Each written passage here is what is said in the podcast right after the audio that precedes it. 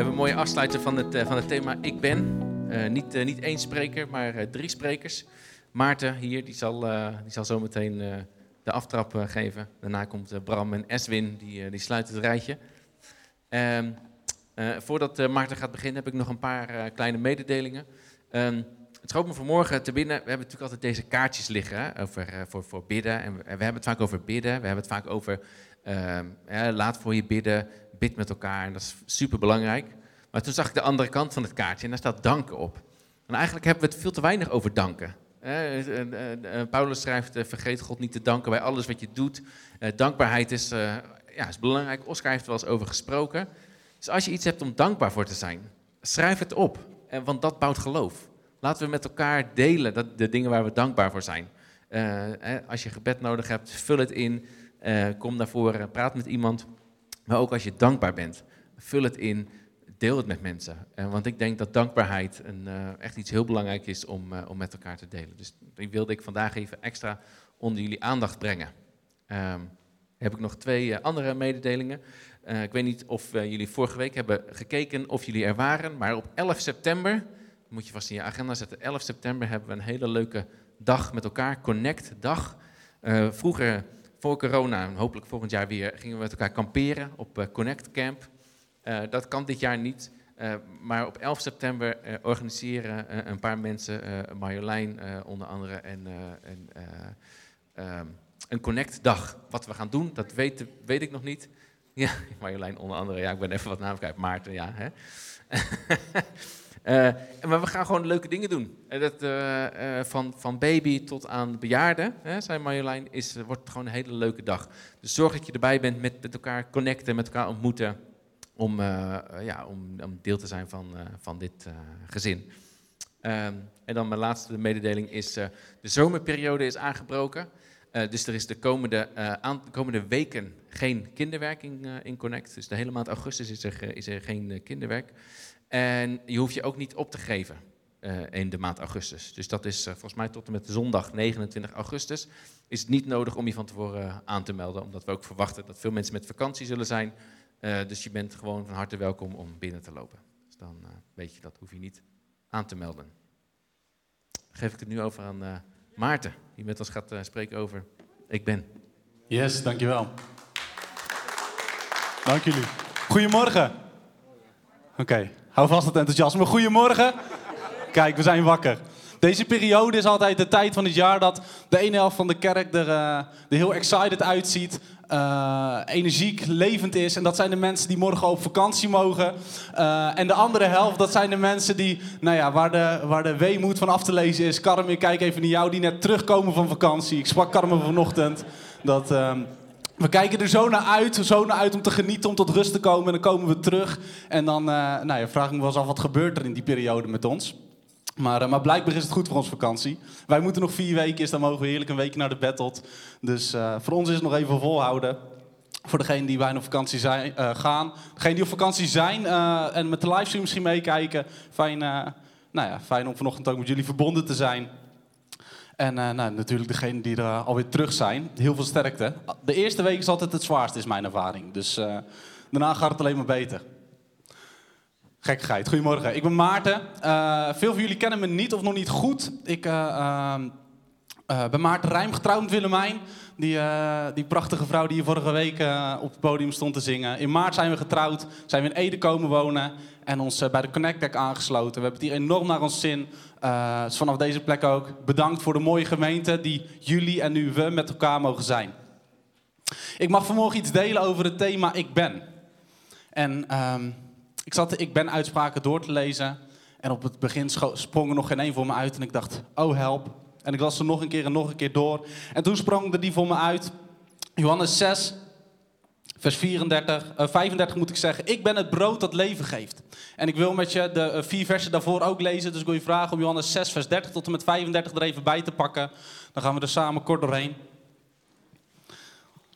Hiervoor heeft Jezus net het, eh, het, het wonder van, van de vermenigvuldiging van het brood gedaan. Ik denk dat de meesten van ons het kennen. Twaalf mannen brood die overblijven. Duizenden mensen krijgen te eten. En dat van, wat is het, vijf broden en twee vissen. Heel bijzonder. De menigte volgt Jezus. En ze zeggen tegen hem, welk wonderteken kunt u dan verrichten? Als we iets zullen zien, zullen we in u geloven. Wat kunt u doen? Onze voorouders hebben immers manna gegeten in de woestijn. Zoals geschreven staat. Brood uit de hemel heeft hij hun te eten gegeven. Maar Jezus zei waarachtig. Ik verzeker u niet, Mozes heeft u het brood uit de hemel gegeven, maar mijn vader. Hij geeft u het ware brood uit de hemel. Het brood van God is het brood dat neerdaalt uit de hemel en dat leven geeft aan de wereld. Geef ons altijd dat brood, Heer, zeiden ze toen. Ik ben het brood dat leven geeft, zei Jezus. Wie bij mij komt, zal geen honger meer hebben. En wie in mij gelooft, zal nooit meer dorst hebben. Misschien heb je net zoals ik dit gebed talloze keren gebeden. God, als u echt wil dat ik deze keuze maak, dat ik dit doe, of juist niet, dat ik deze baan neem of deze studie kies of misschien later in je leven andere keuzes maak, laat dan zien dat. Geef me dan een teken, Heer. Een leuk, ja, ik vind het zelf een leuk verhaal. Ik ben opgegroeid in Koten, een dorpje tussen Wijk Beduurstede en Utrecht. En daar stroomt, stroomt de Kromme Rijn, een prachtig riviertje. Als je nog een keer een mooie wandelroute zoekt, zeker een aanrader. En we woonden aan de Kromme Rijn en ik wandelde daar zelf ook vaak. En ik heb daar zo vaak gelopen, een rustig wandelpad. En ik vertelde het van de week tegen mijn vrouw. En nee, we moesten er allebei ook wel weer om lachen. En ik, ik heb daar zo vaak aan het water gestaan, voelend met één voetje of ik op het water zou kunnen lopen en, en biddend. En vooral momenten dat ik keuzes moest maken. Dat ik zei, God, laat me dan op water lopen. En dan zag ik weer iemand in de verte aankomen, liep ik snel door. Niet over het water, maar op het pad. Ehm, maar het zegt denk ik iets over het, over het verlangen dat, dat ik in ieder geval ervoer om iets van God te zien. Om, om, om zijn tekenen, zijn wonder te ervaren in mijn leven. En misschien herken je het wel. En juist op de momenten dat je zo Gods leiding nodig hebt. Een van die momenten was voor mij, die misschien wat het meeste bijstaat. Ik heb een uh, opleiding in de uh, detailhandel gedaan. Uh, ik besloot daarna om, om een jaar een bijbelschool te gaan doen. voelde ik me ontzettend toegeroepen. En in dat, in dat bijbelschooljaar stond ik voor de keuze. Ga ik hierna weer terug de detailhandel in? En ik kreeg daar een baan aangeboden en ik zag het plaatje helemaal voor me. Of vraagt God iets anders voor me? En langzamerhand begon tot me door te dringen, begon de Heilige Geest steeds meer en meer te spreken dat ik een andere studie mocht gaan doen. En ik, het was zo'n grote stap voor mij. Zo, zo spannend om, om die baan af te slaan, die studie die ik eigenlijk zou willen doen, af te slaan en, en mee te gaan in dat plan wat God voor mijn leven bleek te hebben. En ik heb op dat moment zo vaak dat gebed gebeden. God, als u dat echt wil, laat het me dan ook zo duidelijk zien. Iemand bij wie we dit in de Bijbel ook heel terugzien is Gideon. Ik hou van het verhaal van Gideon. En Gideon werd geroepen door God om de Midianieten, een gigantisch leger, te verslaan. En hij vroeg God tot drie keer toe: God, als u echt wil dat ik dat doe, Laat me dan het teken zien. Nou, ik ken, de meeste van jullie kennen het, het geitenwolle velletje wat in het gras lag. En het vel was droog en het gras was nat en vice versa. En eerder nog met de engel, het bokkenpootje wat Gideon voor de engel klaarmaakte. Waar de engel zo het vuur in liet komen. En het voelt voor mij zo herkenbaar om, nou ja, om dat verhaal te lezen. En zo die zoektocht te zien van Gideon. En hier ook het, het volk, uh, de Israëlieten die achter Jezus aanlopen. En die verlangen naar een teken. En ze verwijzen terug naar het brood in de woestijn. Wat hun voorouders te eten hebben gekregen van God. Een dag nadat Jezus al dat brood gebroken en uitgedeeld heeft. En God zegt maar, ik ben het brood des levens. Ik ben alles wat je nodig hebt. Ik ben, in mij is alles te vinden. In mij is elke bevestiging te vinden. Elk teken wat jij in je leven nodig hebt, is in mij te vinden. En als ik terugkijk naar die jaren, naar die keuzes die ik, die ik in mijn nu nog jonge leven al gemaakt mag hebben. En dat zal de komende jaren alleen nog maar meer worden. De verantwoordelijkheden erbij worden groter, dus de keuzes worden soms ingewikkelder. God heeft niet vaak, en ik zou bijna durven zeggen, eigenlijk denk ik nooit, de tekenen gedaan waar ik goed om, God om vroeg. Ik bedoel, ik heb nooit op de krommerij gelopen. Ja, toen het een keer heel hard gevroren heeft, maar dat was ook de enige keer. En God heeft nooit dat teken gedaan waar ik hem om vroeg. En, en toch sprak God zo duidelijk. Toch gaf God zo duidelijk richting aan het leven wat ik mocht gaan leiden, aan de keuzes die ik mocht maken. En ik heb dat soms door een heel duidelijk teken ervaren. Soms door een profetie die ik van anderen kreeg. Maar meestal door de Heilige Geest die in mijn leven sprak. En dat vind ik het mooie aan de Heilige Geest. Het is al even geleden dat ik hem heb leren kennen. En elke dag ben ik weer verwonderd over wie die is. Maar de Heilige Geest wijst altijd naar Jezus.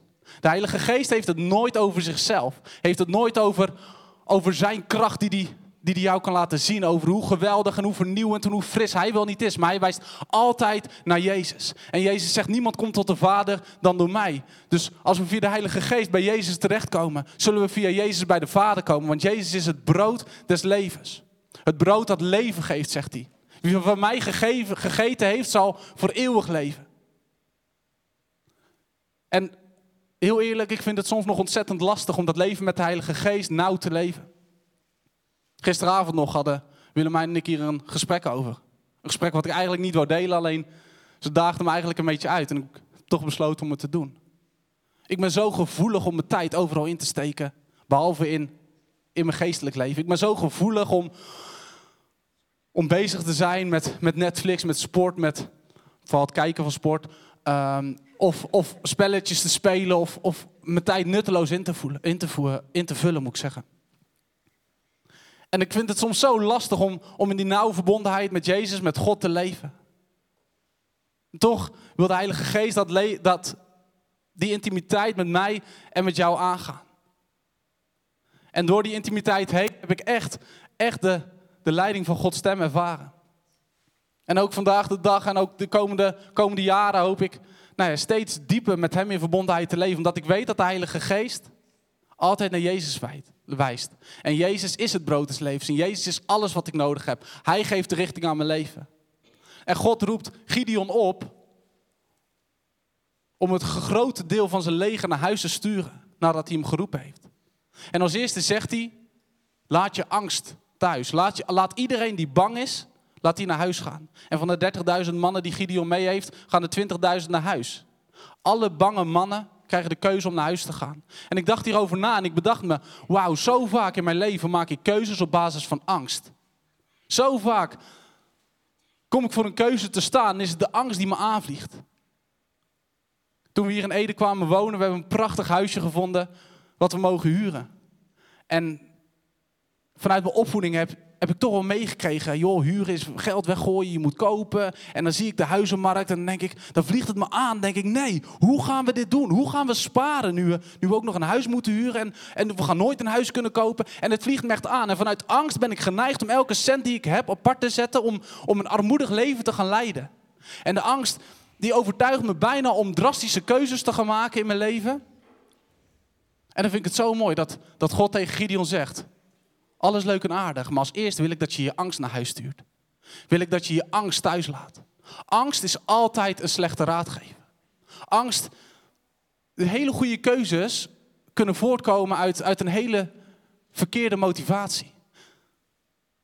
Het is de Heilige Geest die met mij dat leven wil leven en die me wil inspireren om de keuzes te maken. Die ik mag maken. Is het verkeerd om geld te sparen? Absoluut niet. Maar angst is altijd een slechte raadgever. Dank jullie wel voor, uh, voor jullie aandacht. Ik wil Bram naar voren vragen.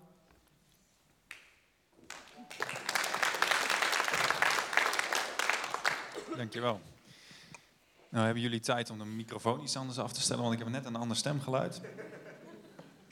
Mooi uh, om uh, te merken dat ja, dit onderwerp dat, uh, dat Maarten bespreekt, uh, eigenlijk uh, heel mooi aansluit bij wat ik wilde vertellen. Alleen dan niet per se over de keuzes waar je voor staat en hoe je daarmee omgaat met, met God.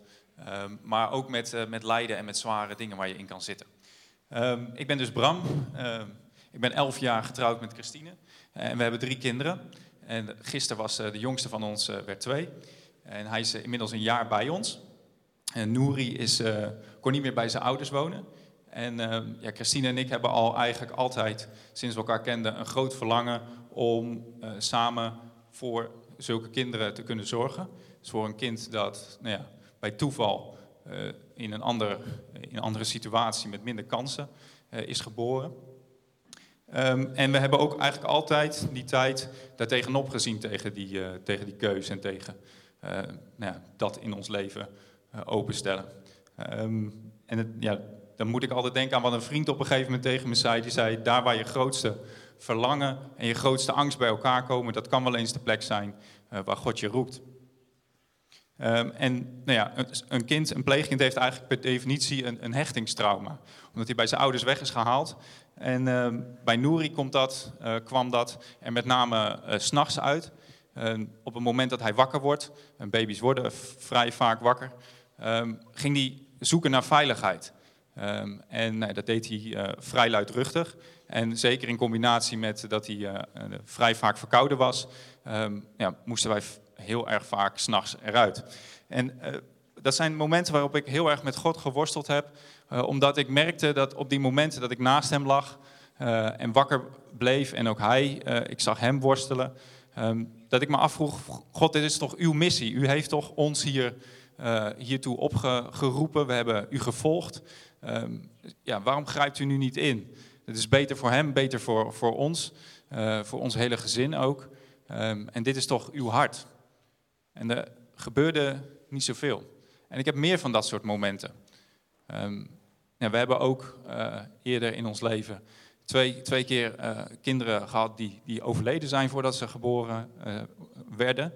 en en nou, daar hebben we eigenlijk eenzelfde soort worsteling doorgemaakt. Ook daar greep God niet in. En dan moet ik denken aan het verhaal eigenlijk de, liedtekst, uh, het, het, verhaal van het leven van Kinga Baan, die in haar laatste lied dat ze schrijft, uh, zingt. En God die bijna nooit te vinden is als je moet hebben. En dan hebben we het vandaag over ik ben. Um, ik ben, nou dat, het gaat over, de, over de, de, de zeven keer dat Jezus dat zegt. Dat is de aanleiding. Maar Jezus verwijst daar terug naar uh, het moment dat hij zijn eigen, dat God zijn naam bekend maakt aan Mozes. JHWH, Yahweh, uh, wordt daar voor het eerst genoemd, uh, aan, bekendgemaakt aan Mozes. En Mozes stond ook voor een immense taak op dat moment. Mozes moest een, een, volk van slaven, mensen die geprogrammeerd waren al jarenlang om niets anders te doen dan wat hem werd opgedragen, moest hij bevrijden uit ja, een wereldmacht. Op dat moment was Egypte wat Amerika nu is. En hij moest dat ook nog niet eens doen. Hij moest dat uh, doen door een volk dwars door een woestijn te, te, trekken. Nou moet je je voorstellen, een volk dwars door een woestijn brengen, zonder eten, zonder drinken. En dan ook nog eens naar een beloofd land, wat vol zit met vijanden. Nou, je ziet ook heel Exodus 3 en 4 staat vol met die worsteling die Mozes daar heeft. Dat hij opziet daartegen, dat hij dat niet kan. Dat hij zegt, ja, maar ik ben geen goede spreker. Ze zullen me niet geloven.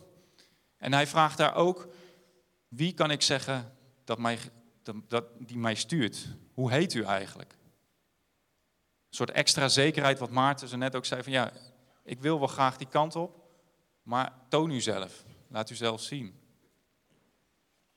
En dan zegt God, ik ben die ik ben.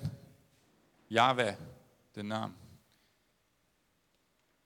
En nou ja, voor mij, ik weet niet hoe dat in die tijd was, want ik ben geen Jood in die tijd, ik kan me daar moeilijk inleven, maar voor mij is het een heel ingewikkelde naam, ik ben.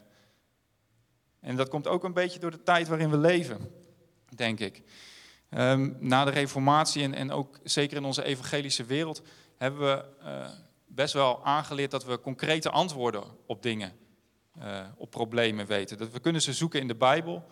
Um, en daarmee komt ook de suggestie op dat als er iets niet fijn is, dat we daar eruit kunnen komen. En dat we er ook uit moeten komen. God is te begrijpen en grijpt ook in. En um, ja, dat, dat zorgt er ook voor dat als we dingen zijn die afwijken van de norm, dat ik in ieder geval, en ik zie dat om me heen, dat we een, uh, een onbedwingbare neiging ook hebben om daar iets van te moeten vinden maar ook om terug te keren naar die goede staat als je in lijden zit. En nou ja, als we dan ik ben, dan heb ik daar twee inzichten, niet om antwoorden te geven, want dan zou ik mijn hele verhaal te niet doen. Um, maar ik wil dat wel met jullie delen, want ik ben, er volgt geen zelfstandig naamwoord achter. Dus daar staat niet ik ben vader, of ik ben goed, of ik ben, nou ja, vul maar in. Alle namen die we ook aan God, die we weten die God draagt. Zo maakt God zich niet bekend. En dat betekent, het is een enorme uitnodiging om in relatie met God te komen. Om zelf erachter te komen wie hij voor jou is. Wat hij tegen jou wil vertellen. Het is ook een enorm statement dat God relatie belangrijker vindt dan de inhoud. Dus dat hij eerst met je in contact wil komen en dan volgt die invulling van zijn naam vanzelf. Het tweede is, uh, in het Hebreeuws is, staat er niet alleen ik ben, in, in de uh, eh, MBV is het vertaald, in de andere Bijbelvertaling is het vertaald als ik zal er zijn. Er, het, er wordt verwezen naar een werkwoord wat, nou ja, wat je ook kan zeggen, ik, ik ben erbij. Wat een, een, een, een tijdloze ik ben betekent. Dus hij is er altijd bij, zou je ook kunnen zeggen. Hij is er aanwezig. Blijft genezing uit, dan is hij aanwezig. En hij schrikt ook niet terug van die tijd dat je, uh, nou ja, dat je lijdt bijvoorbeeld. Hij heeft zelf uh, enorm geleden. Daar schrikt hij niet van terug, daar is hij bij. Um, hij blijft, uh, nou ja, blijft genezing uit of, of blijf je met bepaalde karaktertrekken, blijf je daarmee dealen dan, dan schrikt hij daar niet van terug. Hij is erbij. hij, hij, kon zelfs dealen met, uh, met Petrus, die, uh, nee, die, die hem, hem verraden. hij kon dealen met Thomas, die, die twijfelde. Hij kan zeker ook dealen met de dingen waar jij en ik mee blijven worstelen. Um, ja, als ik dan terugdenk aan iets wat iemand mij ooit heeft gezegd, dat is me heel erg bijgebleven, dat het ook een kunst is om in het op en neer gaan, het golven van het leven. Um, om ook juist die diepe golven af te maken. Om dat ook te leren, daar niet bij weg te rennen. Om dan niet um, ja, zo snel mogelijk een ticket daaruit proberen te kopen. Um, en dat heeft me geraakt. Omdat je, je, je kunt daar, en dat heb ik heel erg gehad, in al die worstelingen heel veel ongemak uh, bij voelen. Van dit is niet een staat waar ik wil zijn, ik wil hier zo snel mogelijk uit. Maar het helpt je wel om het leven beter te leven. En dan moet ik denken aan uh, een interview dat ik afgelopen week las. Ik pak er even eh, bij met Paul Blokhuis, de staatssecretaris van de ChristenUnie. Hij is een ontzettend groot voorbeeld voor mij over hoe je uh, bezig bent in de politiek vanuit ook je geloof. Hij heeft een heel vast en diep geloof. Um, en nou, toen hij begon, drie, ruim drie jaar geleden, drie maanden nadat hij begon als staatssecretaris, overleed zijn dochter op 18-jarige leeftijd uit het niks uh, aan een auto-immuunziekte. Um, en uh, nou, dat, dat, uh, daar gaat dit interview ook over, drie jaar na die tijd. En um, nou, dan wordt hem gevraagd, het is in de Volkskrant als je het een keer terug wil lezen, dan, dan wordt er gevraagd, waar was God? En dan staat er uitdrukkingloze blik. God is niet gekomen. Dat klopt, niet zoals ik gehoopt had. En Um, dat herken ik ontzettend. Dat het ook in mijn leven gebeurt. Dat God niet op de manier heeft ingegrepen zoals ik dat graag zou willen. Um, maar wel, en dat, dat zie ik ook in dat interview terug, daar moet je het ook voor de rest maar eens voor lezen, dat hij een ontzettend groot en diep geloof daarin heeft overgehouden. Uh, en dat merk ik ook. Ik heb er door deze dingen die ik heb meegemaakt een vast geloof gekregen, maar minder antwoorden. Um, en uh, nee, dat, dat zou ik je ook als ik het concreet zou willen maken voor de komende zomerperiode of voor vandaag of nou ja, waar je ook maar aan staat, willen meegeven. Dat we misschien wat minder naar stellige antwoorden uh, en vaste zekerheden, maar dat we het met elkaar ook durven twijfelen. Hier uh, bij de gebed, uh, waar dan ook, dat we het niet zeker hoeven weten. dat er een God is die als eerste relatie met je wil en pas daarna over de inhoud wil praten. Dat we dat ook niet naar elkaar hoeven doen, dus elkaar hoeven te veroordelen of oordelen uh, als, er, uh, uh, als er iets gebeurt wat buiten de norm is. Um, maar dat er meer ruimte is, zo ook, voor kennismaking met God.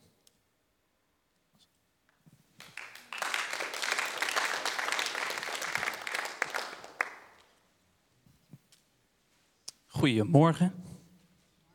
Ik sluit hem af vandaag. Voor de mensen die mij nog niet kennen, mijn naam is Eswin. Getrouwd met Floor, woonachtig in, uh, in Venendaal. En trots aankomend vader. Ja, dat is uh, pas sinds kort. Heel trots, heel spannend, maar echt, uh, echt heel erg leuk. Kijk er enorm naar uit. In de komende minuten wil ik jullie graag bemoedigen. En ehm, dat doe ik door een van Jezus' uitspraken. Eh, in Johannes 14, vers 6. Misschien kan die ook op het scherm. Ja, dat is: Ik ben de weg, de waarheid en het leven. En dan weet ik dat Oscar daar vorige week ook al over gesproken heeft. Hè? Dus in aanvulling op waar Oscar over sprak. Uh, waar hij al andere zei, het vertrouwen op Jezus en dat hij de enige weg tot de Vader is. Uh, ga ik er eigenlijk praktisch op door wat dat betekent voor jou, bijvoorbeeld de komende week. Uh, iedereen kent het gevoel van zenuwen, denk ik wel. Dus het onderbuikgevoel, bijvoorbeeld dat je op een podium staat, zoals ik nu. Of dat je een, een belangrijke toets moet gaan maken. Of dat je een sollicitatiegesprek krijgt, die, dat je denkt dat deze moet echt goed gaan nu. Um, in die zin zorgen dat we eigenlijk weten dat we eh, die bij God neer kunnen leggen. En dat, we, dat God bestaat en dat we geen, ons geen zorgen hoeven te maken. Dat weten we. Maar vervolgens verzanden we in die zin in, in de verwachtingen en taken en, en, en, en zaken van alle dag. Hè. Dus we zijn hier en we ontmoeten God. En vervolgens gaan we druk met alle praktische zaken. Dan denk je misschien, nu is het vakantie en nu is het even rust. Ja, het is rust. Maar vervolgens gaan we ook nadenken, zeker in deze tijd. Oké, vakantie. Wat moeten we allemaal gebeuren? Wat moeten we allemaal doen? Gaan we naar het buitenland? Uh, wat doen we met de hond? Wie geeft de planten water? Dat soort praktische zaken. Daar gaan we vervolgens allemaal meteen weer in, de volle, uh, in, die, in die volle modus. Uh, en misschien kijk je ook al wel op na de vakantie. Dat je eigenlijk een beetje zenuwen krijgt van na de vakantie. Dat je denkt, ja, ik moet straks toch weer naar mijn werk toe. En die collega's, dat ook niet een heel goed gevoel bij. Of dat, hè, het volgende schooljaar, dat je daar toch wat, wat onderbuikgevoel van krijgt. Die spanning en die zenuwen. Dan wil ik eigenlijk met jullie kijken naar een verhaal. En uh, Bram zei het ook al over Mozes. Uh, we kennen denk ik allemaal wel, uh, bijna allemaal het verhaal van Mozes en de braamstruik. En een beetje menselijk gezien haast gigantische opdracht die hij kreeg om het volk van Israël uit, uit Egypte te leiden. En ik even een stukje met jullie lezen. Uit Exodus 3, vers 9 tot 12. En er staat dat God zegt, de jammerklacht van de Israëlieten is tot mij doorgedrongen. En ik heb gezien hoe vreed de Egyptenaren hen onderdrukken. Daarom stuur ik jou nu naar de farao. Jij moet mijn volk, de Israëlieten, uit Egypte wegleiden. En Mozes zei, maar wie ben ik, dat ik naar de farao zou gaan en de Israëlieten uit Egypte zou leiden? En God antwoordde, ik zal bij je zijn. En God zei, ik zal bij je zijn. En ik zat erover na te denken, denken jullie dat de spanning van Mozes minder zou zijn geweest na die uitspraak?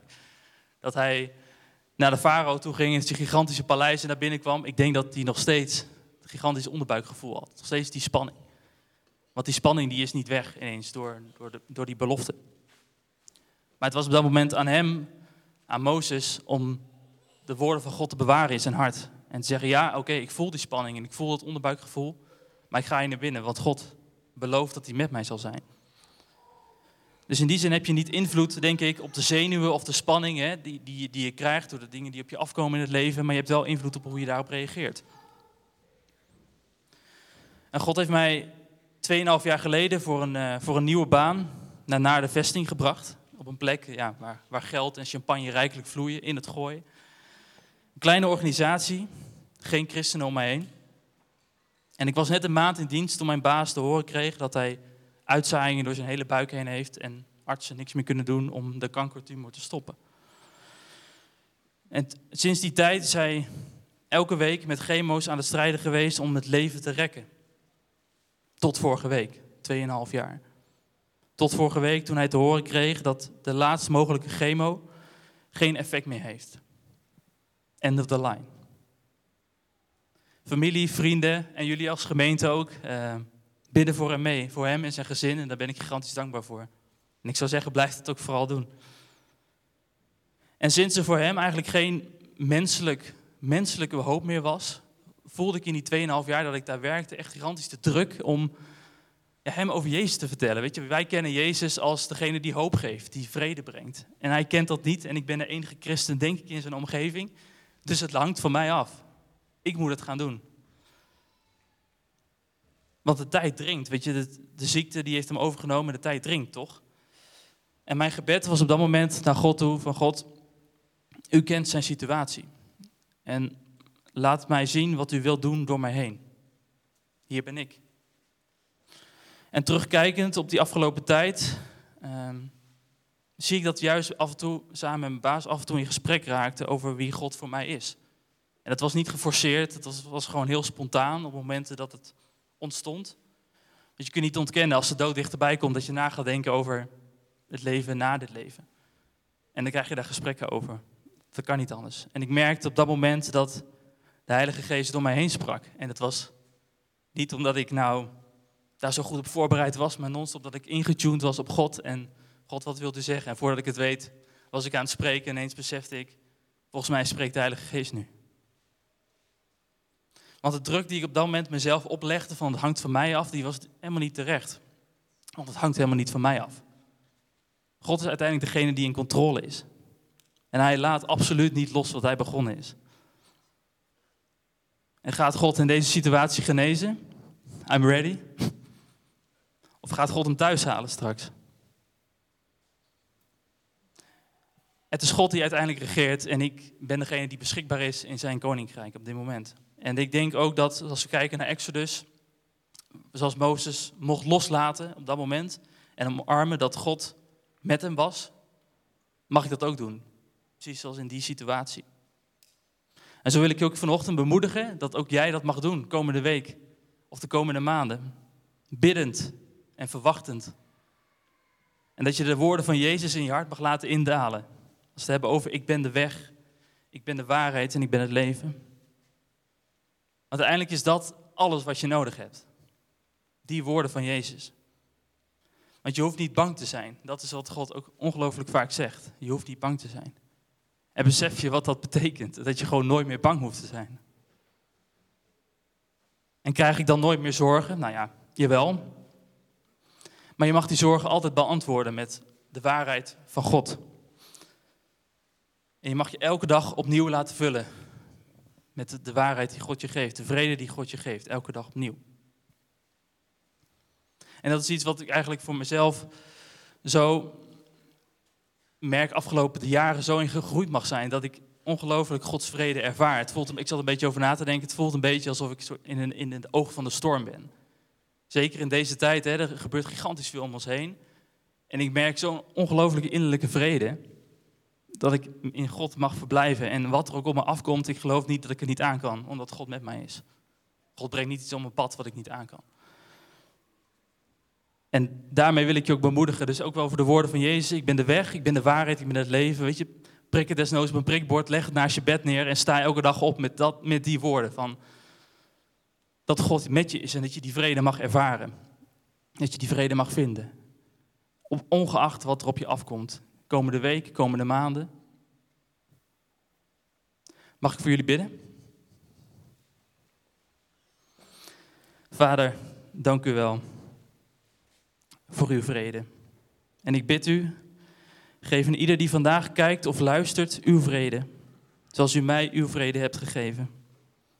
Zodat je dag in, dag uit jouw zorgen mag beantwoorden met Jezus. De weg, de waarheid en het leven. En mag verblijven in zijn vrede. Ik zeg je in Jezus' naam. Amen.